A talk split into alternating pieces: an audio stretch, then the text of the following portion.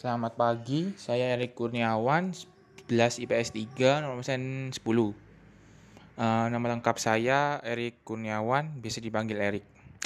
Dan menurut saya, perkem perkembangan musik barat yang berbeda di satu negara dengan negara lainnya dikarenakan juga di suatu negara memiliki kebudayaannya masing-masing.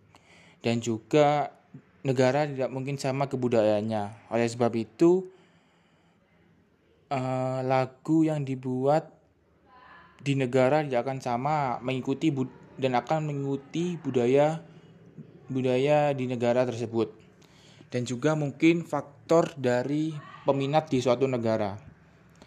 Peminat di suatu negara pasti juga berbeda-beda peminat jenis musiknya mungkin dan juga para musisi mengikuti mengikuti mengikuti minat yang banyak yang di suatu negara tersebut akhirnya membuat suatu lagu yang bertema tersebut.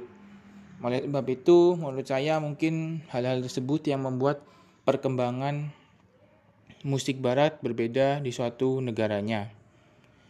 Sekian dari saya dan terima kasih.